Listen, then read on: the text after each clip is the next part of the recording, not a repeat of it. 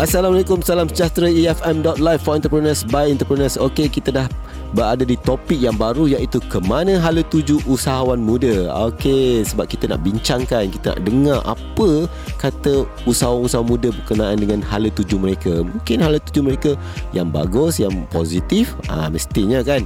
Okey, jom kita dengarkan pengkongsian mereka. Jom.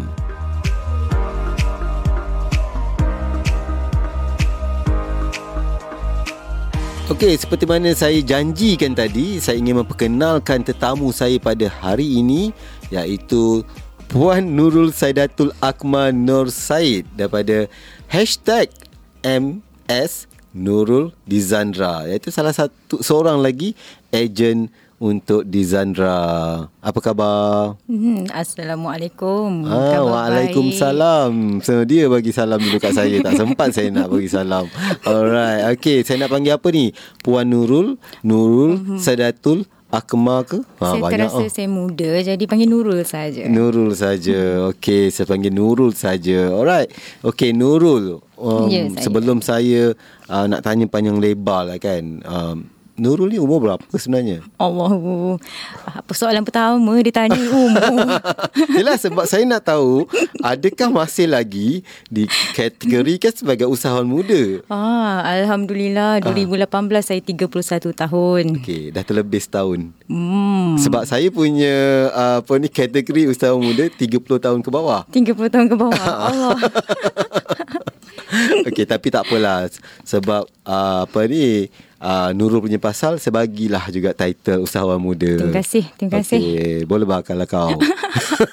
right. Dia sebenarnya dia daripada Sabah kan? Hmm, menetap saya, di Sabah. Saya menetap di Sabah uh, betul. Jadi ejen di sana lah kan? Ya betul. Uh, Sabah di mana? Saya di Kota Kinabalu. Di KK, hmm. di Kota Kinabalu. Alright. Dan okay, boleh tak Nurul ceritakan seberingkas latar belakang bis apa ni bisnes Nurul bila starting sebenarnya join di Zandra ni? Oh okey. Sebenarnya saya mm, waktu kerja saya pernah ke, saya berada di Sabah mm-hmm. 2014 hingga 2016. Mm-hmm. Uh, jadi waktu akhir 2016 tu saya pregnant lah. Mm-hmm. Uh, uh, selepas 4 tahun menanti. Mm-hmm. Uh, jadi alhamdulillah. Uh, alhamdulillah. Kan? Itulah rezeki. Mm-hmm. Jadi bila fikir-fikir um, sebab lama tunggu jadi kita pun macam okay why not uh, sementara tunggu anak besar kita berhenti kerja dulu tapi mm-hmm. saya jenis yang tak ada tidur diam. Mm-hmm. Uh, jadi saya kena cari something yang buat saya masih aktif walaupun mm-hmm. saya menjaga anak. Jadi mm-hmm. waktu tu lah kawan sa, apa approach suruh beli perfume kan. Mm-hmm. Uh, kita pun oh okay macam menarik ni kan. Mm-hmm. Perfume spray and then rasa macam eh why not kita jual perfume. Ah uh, mm-hmm. macam tu tiba-tiba daripada duduk saja-saja ya, kan. betul. Ha, ada boleh buat benda lain boleh datang income. Ah macam itulah. Hmm. Ha jadi itulah starting pointnya saya join di Zandra. Sebenarnya hmm. walaupun waktu tu belum tahu sangat di Zandra ni apa. Hmm. Ha jadi saya macam okeylah perfume saya pun minat juga perfume. Ha jadi situ daripada situlah sambil menanti detik untuk bersalin mm-hmm. saya mhm. menjual mm-hmm. even waktu pantang pun saya menjual juga mm. ha sebab waktu tu online kan ya, kita post je, je. kan ha. ha sambil-sambil tu jaga anak orang kata eh nak order wah ada orang nak order ha macam tu kan mm. betul-betul waktu tengah berpantang tu pun lagi senang kan nak jual kan online mm. sebab yang post waktu kalau tengah bertungku pun Allah tekan juga saya bayang yang. Ya ada order lah. Cici tunggu jap. Makcik tunggu. Saya nak hantar order dulu Saya nak hantar order dulu eh. Betul juga tu. Alright okay. And then um, Selama berapa tahun ni sampai sekarang masih online lagi? Iya betul. Ke atau dah ada kios? Oh, belum lagi. Saya sebenarnya insyaAllah impian saya pada tahun 2019. Okey, itu cerita kejap hmm. lagi. Itu hai kejap lagi. Ha, boleh, ha, boleh. Kita cerita dulu yang mula-mula ni, starting. Mm, mm, mm, Okey, bermakna uh, setelah berapa tahun? Empat tahun jadinya dalam bisnes ni kan? Uh, dua tahun Dua tahun dalam, mm, Okey, dua tahun dalam bisnes. 16 kan? Ha, ha, 2016 saya pula salah kira. Alright, okey. Uh, dua tahun dalam bisnes ni dan sekarang ni macam mana? pendapatannya hmm. sangat memberangsangkan berapa boleh share tak dengan pendengar EFM mungkin ramai yang cakap hmm, betul lah hmm, hmm, hmm, mengandung ke tak mengandung ke apa ni salin, salin ke. ke boleh buat ha. ha betul saya kalau okey saja nak share Aha. saya start dia sebagai dropship hmm. ha jadi sebagai dropship Permulaan saya jual waktu bulan pertama cuma RM45 sahaja itu satu botol. Mm-hmm. Tapi saya, saya rasa okay orang tak kenal jadi mm-hmm. kita just teruskan marketing marketing and then um, sekarang alhamdulillah mm-hmm. uh, income empat angka mm. um, dan saya ada 12 orang dropship oh, setelah menjadi ejen uh, okay. saya mencari lagi dan lagi ha mm. di KK ramai uh, yang menjadi ejen ah saya punya uh, Rasanya ejen memang ada, ada di, lah. di Zandra memang ada ejen di sana. Hmm, jadi hmm. ada juga persaingan. Tapi persaingan tu adalah um, macam mana? Um, hmm. Nurul melihat benda tu sebagai sesuatu yang sihat ataupun rasa macam nak santau dia? Oh Allah Gerun dengar. Okey. Pada saya um, satu persaingan yang sihat sebenarnya hmm. sebab walaupun sebenarnya kami lain-lain um, team hmm. tapi kita saya yakin kami masih pada satu uh, jemaah yang sama. Hmm, ah, itu jadi, sebenarnya aura hmm, positif no, yang telah diterapkan untuk ejen-ejen di Zandra yang saya tak boleh nafikan. Hmm, yang jadi, sesuatu yang bagus sebenarnya. Betul. Kan? Jadi, sebab di Zandra kuat kerana jemaah dia. Hmm. Ah, saya yakin benda tu. Ah, jadi kalau macam uh, selalunya kalau ada event-event, hmm. bila ada di Zandra uh, terutama sekali di negeri-negeri tersebut kan mm-hmm. walaupun lain-lain tim kita akan berkumpul sama-sama mm-hmm. uh, berkongsi jadi, pengalaman mm, berkongsi betul. idea kan betul betul bantu membantu alright kita punya topik hari ini iaitu ke mana hala tuju usahawan muda. Mm-hmm. Okay, sebab ramai usahawan-usahawan muda ni yang kadang-kadang niaga setahun dua tutup kedai, mm, tutup bisnes. Mungkin banyak faktor lah kadang-kadang menyebabnya. Mungkin sama ada mereka ni tidak ada jiwa bisnes tu sendiri. Mm-hmm. Ataupun mereka mendapat cabaran sampai mereka give up. Kan? Mm. Ada juga yang uh, mungkin hanya suka-suka berniaga. Kan? Ikut kawan. Kan? Betul, Jadi sebagai seorang uh, usahawan jugalah mm-hmm. uh, Nurul merasakan Nurul ni berada di pihak yang mana adakah memang jiwa berniaga memang dah wujud sejak sekian azali lagi ataupun hanya kerana suka-suka dengan ikut kawan-kawan kata kau jual lah barang Izan, di Zandra ni kau pasti uh, kaya raya uh, atau macam mana uh. hmm. Okey kalau saya kalau ikut macam awal-awal dulu mm-hmm. kan tak nafikan lah mm-hmm. kita tengok Wah, dia, sebab saya beli pun daripada kawan kan. Mm-hmm. Saya tengok, eh seronoknya dia jual. Ramai mm-hmm. pula beli kan. Mm-hmm. Kita ikut. Kita, saya jenis yang start dengan, kita cuba. Mm-hmm. Ha, daripada cuba tu sebenarnya, mm-hmm. um, saya rasa saya suka. Daripada mm-hmm. suka, kita jadi cinta. Sebab kita dah, dah guna. Kita mm-hmm. sendiri yang guna benda tu. Mm-hmm. Jadi pada saya sebagai usahawan, kena tahu, um, kenapa kita join. Mm-hmm. Itu benda pertama, your mm-hmm. big why. Okay. Ah, jadi sebab daripada situ, bila kita um, rasa macam down ke, kan, kita mm-hmm. tak tanya diri, diri kita balik. Mm-hmm. Kenapa kita start benda ni? Kenapa Alright. kita nak bayar? Um, yalah, mesti ada fees dia apa semua kan? Mm-hmm. Ah, jadi kenapa kita start dengan benda tu? Okay, so jadi um, Nurul punya perancangan untuk jangka panjang? Ah, ya, pasti. Apa perancangan dia yang mungkin boleh dikongsikan dengan pendengar-pendengar usahawan-usahawan di luar sana? Mm-hmm. Okey, kalau macam saya kan sebab sekarang saya dah jadi ejen. Mm-hmm. Jadi dan sebenarnya saya menjadi ejen atas tiket suri rumah. Mm-hmm. Saya sendiri seorang suri rumah sebenarnya. Mm-hmm. Jadi pada saya um, impian saya sebenarnya mm-hmm. berharap agar ramai lagi suri rumah yang buat side Business income. macam ni. Ya betul. Kita yeah. tak nak um, kita tak nak ada orang kata ah suri rumah duduk rumah harap duit suami je. No, mm-hmm. it's not like that sekarang. Betul. Ha, kita okay. sendiri boleh cari duit sebenarnya. Betul. Ha, jadi uh, impian saya first saya nak ramaikan lagi dropship. Mm daripada ha. suri rumah suri rumah ya betul kan sekurang-kurang boleh menak, menampung menyokong tambahan perbelanjaan hmm, kan bukan betul. saja kadang-kadang dia boleh bukan saja um, menampung tambahan tapi kadang-kadang hmm. boleh memberikan menjana keuntungan yang lebih luas lagi kalau Betul. kita fokuskan benda tu betul tak hmm macam kan? saya sendiri um, saya tak sangka mm-hmm. walaupun saya duduk rumah memang mm-hmm. saya dapat nafkah alhamdulillah mm-hmm. macam okey macam orang lain jugalah mm-hmm. tapi saya jenis yang saya suka saya tak suka macam cakap ah saya nak yang tu saya nak ni. Tak. Mm-hmm. saya jenis saya nak benda tu saya usaha sendiri. Mm-hmm. ah jadi ini cara saya usaha sendiri untuk apa yang saya nak. Betul. Ah jadi kita boleh beli apa yang kita teringin betul. kan? hmm. dan makan apa yang kita nak yang penting. Kan? Ah, ah jadi daripada situ suami. Hmm, alhamdulillah. Dia dengar ni kan dia cakap okey bagus bagus pandai ini aku.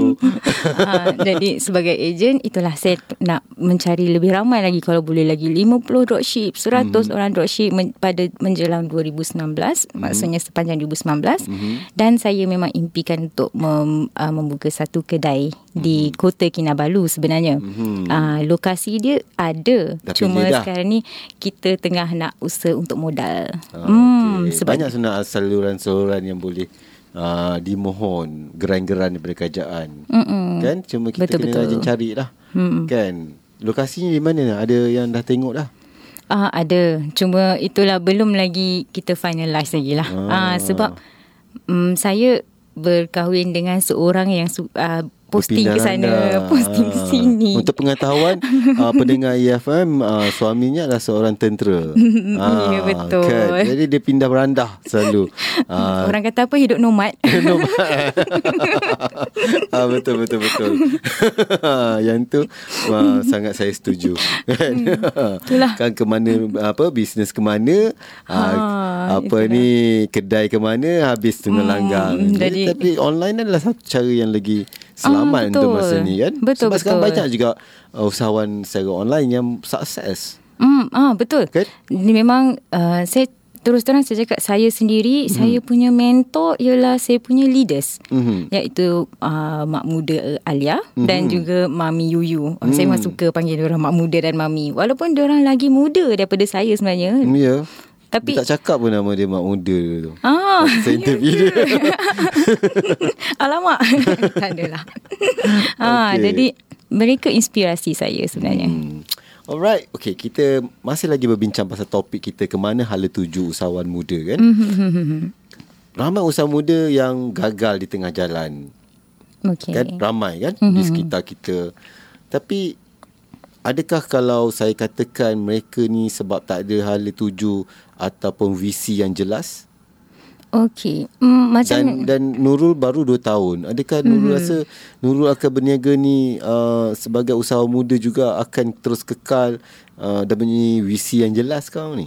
Okey, kalau macam saya sendiri ya. Uh-huh. Um, kami uh, dalam tim kami sendiri uh-huh. Mhm. 2009 belum sampai lagi tapi uh-huh. kami dah diminta untuk buat vision board. Okey. Ah, uh-huh. jadi vision board ni penting sebab uh-huh. tu kita nak tahu hala tuju kita. Uh-huh. Dan benda ni bukannya buat pada bulan 1 tapi uh-huh. kami dah buat daripada bulan 11. Uh-huh. Sebab tu saya saya pada saya pemilihan tim tu uh-huh. sendiri adalah penting. Okay. Siapa leaders kita. Uh-huh. Uh, jadi daripada situ untuk saya kata uh, adakah sampai di uh, sampai tahun depan saja saya bersama di Zandra wallahu alam mm-hmm. tapi terus terang saya cakap setakat ni saya memang fokus pada di Zandra saja mm-hmm. mm. dan macam okey macam saya ada baca mm-hmm. uh, di akhbar mm-hmm. mengatakan sekarang ni kalau untuk yang siapa yang baru nak start kan mm-hmm. macam saya kata tadi kena ada big why mm-hmm. kalau dah tak tahu big why tu apa kita check apakah komitmen kita. Mm-hmm. Macam sekarang student lepasan ijazah kalau kita baca sekarang ni bi- macam kita selalu cakap pasal PTPTN. Mm-hmm. Pembayaran PTPTN, mm-hmm. macam ramai yang mengeluh kena mm-hmm. bayar banyak apa mm-hmm. semua dan mm-hmm. artikel terbaru saya baca mm-hmm. gaji 2000 kena bayar RM40 untuk PTPTN. Mm-hmm. Dan benda tu adalah satu perkara yang sukar bagi seorang graduan. Pada saya RM40 sangat sukar pada seorang graduan yang bergaji RM2,000. Mm-hmm.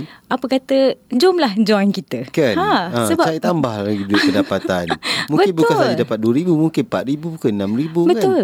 RM40 ha. sebenarnya kalau awak usaha mm-hmm. untuk buat berniaga, um, benda tu dah akan dapat dalam 2-3 hari je sebenarnya. Betul. Jadi daripada RM40 tu boleh double dan double. Betul. Entah-entah bisnes ni sendiri boleh buat awak gaji lebih daripada RM2,000. Mm-hmm. Jadi sebab tu saya pada saya you punya um, apa awak punya um, vision tu kena clear. Betul. Your big one. Setuju, setuju. Hmm. Sebab kita walaupun kadang-kadang kita melihat ramai anak-anak muda kadang-kadang tidak nampak visi dia. Dia hmm. uh, mungkin hmm. dia rasa macam okay dia bisnes tak ada hala tuju. Dia kena join bisnes sebab benda tu dapat income yang kadang-kadang kita di luar jangkaan kita. Yang Betul. Pe- yang penting kena hati ikhlas, bersih, hmm. berkasih sayang, happy kan. Barulah nampak bisnes tu datang dengan sendirinya keuntungannya mm-hmm. wang ringgitnya datang dengan sendiri kan betul ha, kita masih berbincang berkenaan dengan topik kita hari ini mm-hmm. iaitu usahawan muda yang tiada hala tuju ke mana hala tuju usahawan muda alright mm-hmm.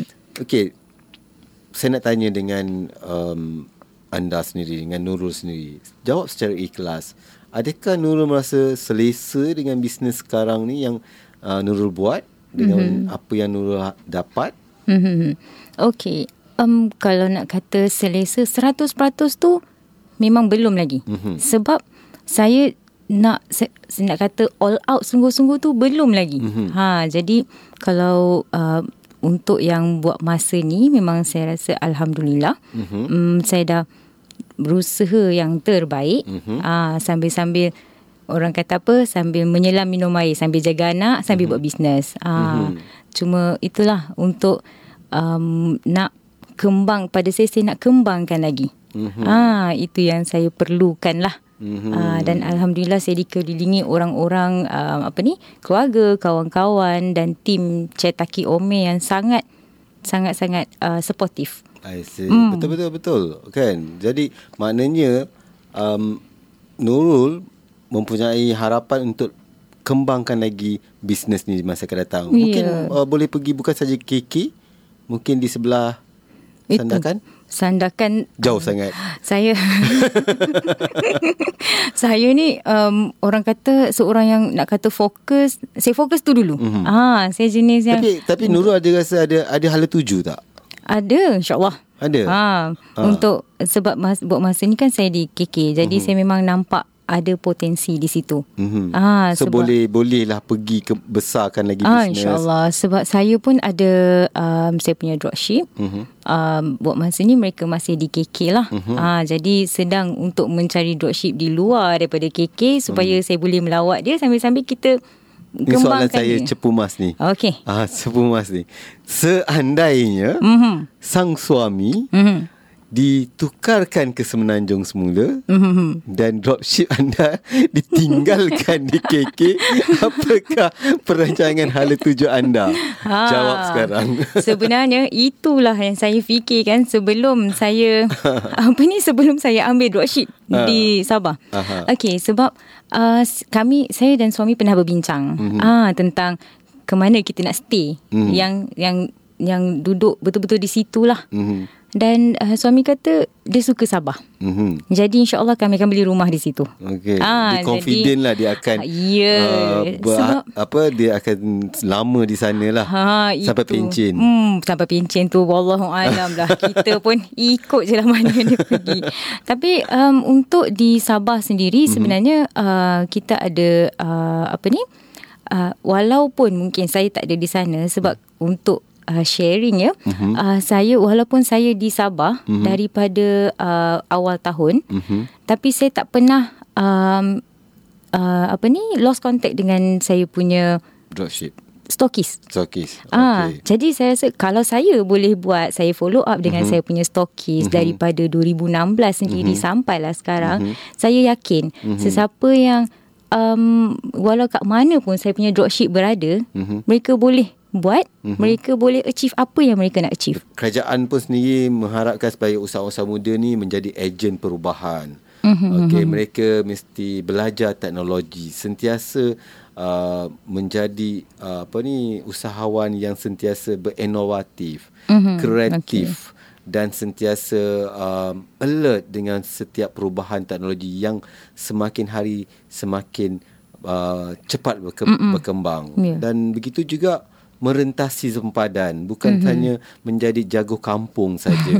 Okey. Uh, sebagai seorang usahawan walaupun sebagai ejen kepada produk yang mm-hmm. dah terkenal di Zandra yang pastinya memberikan uh, bantuan dari segi marketing mm-hmm. dari mhm. segi apa ni um, kursus ke whatever lah okay. tapi sebagai usahawan Nurul merasakan adakah Nurul sudah bersedia untuk menjadi seorang usahawan yang boleh menerima perubahan teknologi yang cepat ini merentasi sepadan bukan hanya hanya mm-hmm. di peringkat uh, KK saja mm-hmm. ataupun di luar uh, apa Sabah okay. ataupun menjadi ejen kepada perubahan itu sendiri.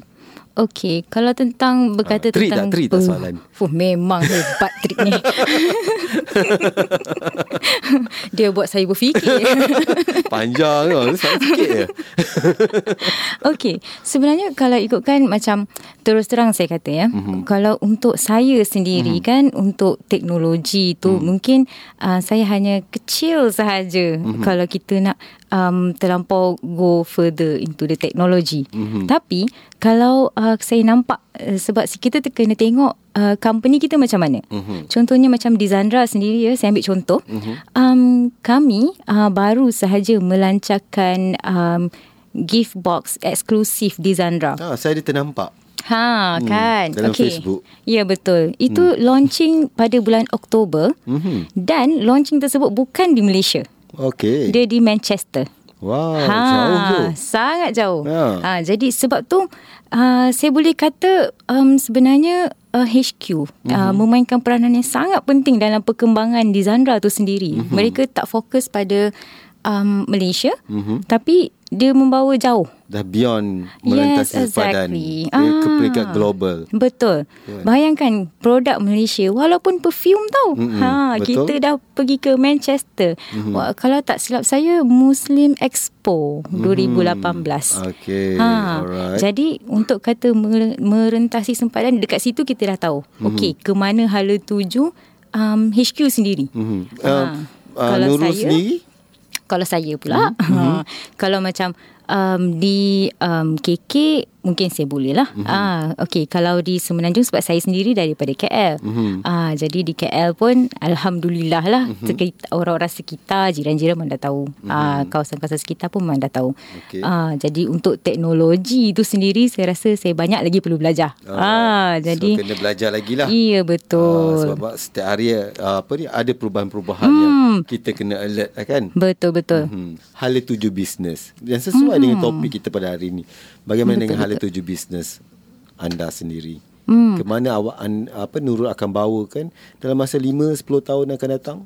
Okey Atau lepas ni tutup je lah Lizandra? Ush. Okey, sebab saya seorang yang fokus. Mm-hmm. Saya boleh kata saya sendiri seorang yang fokus. Di mana mm-hmm. saya memang di Zandra, di Zandra sahaja. Mm-hmm. Ah, jadi kalau macam untuk saya sendiri, mm-hmm. ah, macam saya kata tadi untuk mungkin untuk tahun depan mm-hmm. kita start dengan um, dropship, mm-hmm. okey, dan kedai. Okey, daripada situ uh, saya memang ada perancangan tipu lah kalau tak ada rasa macam nak jadi stokis. Kita Betul. pun nak juga Ah, kan. kan? Mesti kena upgrade. ha, mesti. Ha, Ah. jadi itu salah satu saya punya impian untuk um, tiga tahun akan datang. Mhm. Mm-hmm. Ha, InsyaAllah. Tapi orang kata, eh lamanya tiga tahun. Cakap, Tiga tahun oh. tak lama sebenarnya. Hmm, kan? Ha, pejam-pejam bilik sekejap je sebab Ha. dalam masa tiga tahun tu banyak perancangan yang kena kita Betul. buat dan ikut dia punya status. Ya. Kalau dapat lagi cepat is a bonus. Yes. Tapi kena ada satu guide, Mm-mm. penanda aras Betul. untuk kita mencapai apa yang kita inginkan Hmm. tu kan. Sebab pada saya, um, macam saya sendiri, Mhm. mm-hmm. kita kena, tim kita kena kuat dahulu. Betul. Kalau tim kita kuat, then kita boleh naik lagi, naik lagi. Sebab Dia kita nak macam- bawa sama-sama tim kita naik. Betul. Dia macam sepohon pokok kan. Ya. Ha, dengan akarnya yang kuat. Wah. Ah. Kayaknya Sepok Kayaknya lagu sepohon pokok Pokoknya rendang hal. Alright Okay Alright Di manakah pendengar-pendengar Mungkin yang di Sabah bah, Mau dengar Sudah dengar kamu Bercakap di sini Mau order Itu di di Zandra Macam mana dia nak hubungi uh, Nurul Aha, Facebook okey. ke Instagram ke Twitter ke Mm-hmm. Saya um, sebab tu saya dulu kan orang tak pernah sangat guna hashtag. Aha. Jadi tapi sekarang semua benda guna hashtag. Hashtag, kan? Jadi untuk sesiapa yang nak kenal saya lebih lanjut, ha siapa yang nak order atau mungkin nak tengok produk terbaru Okey. yang Dizandra akan keluarkan, Mhm. uh, boleh cari hashtag Miss Nurul Dizandra. Dia MS Nurul Dizandra. Okay, Ha. itu dia. Kalau nak dengar, nak cari dia, hashtag Miss Nurul Dizandra. Dizandra. MS eh bukan uh, MISS sebab dia dah Mrs. okay. So jadi MS tu Dia tak berani nak letak I kat depan Kat tengah-tengah tu Alright okay, Terima kasih pada Nurul Di atas uh, perkongsian okay. tu tadi Terima kasih datang atas ke studio. EFM Saya doakan sebagai Supaya Nurul dan juga uh, Bisnes di Zandranya mm-hmm. Akan terus sukses dan capai Untuk bukan saja jadi agent Mungkin insyaAllah mm. one day stokis Amin uh, Ya Allah ya Mujib uh, mm. Satu hari lebih lebih luas lagi, lebih Ya. tinggi lagi. InsyaAllah. Dan insya-Allah. Terima kasih. Itulah podcast Bicara Express yang telah disediakan oleh tim EFM. Teruskan bersama kami di episod seterusnya hanya di efm.live for entrepreneurs by entrepreneurs.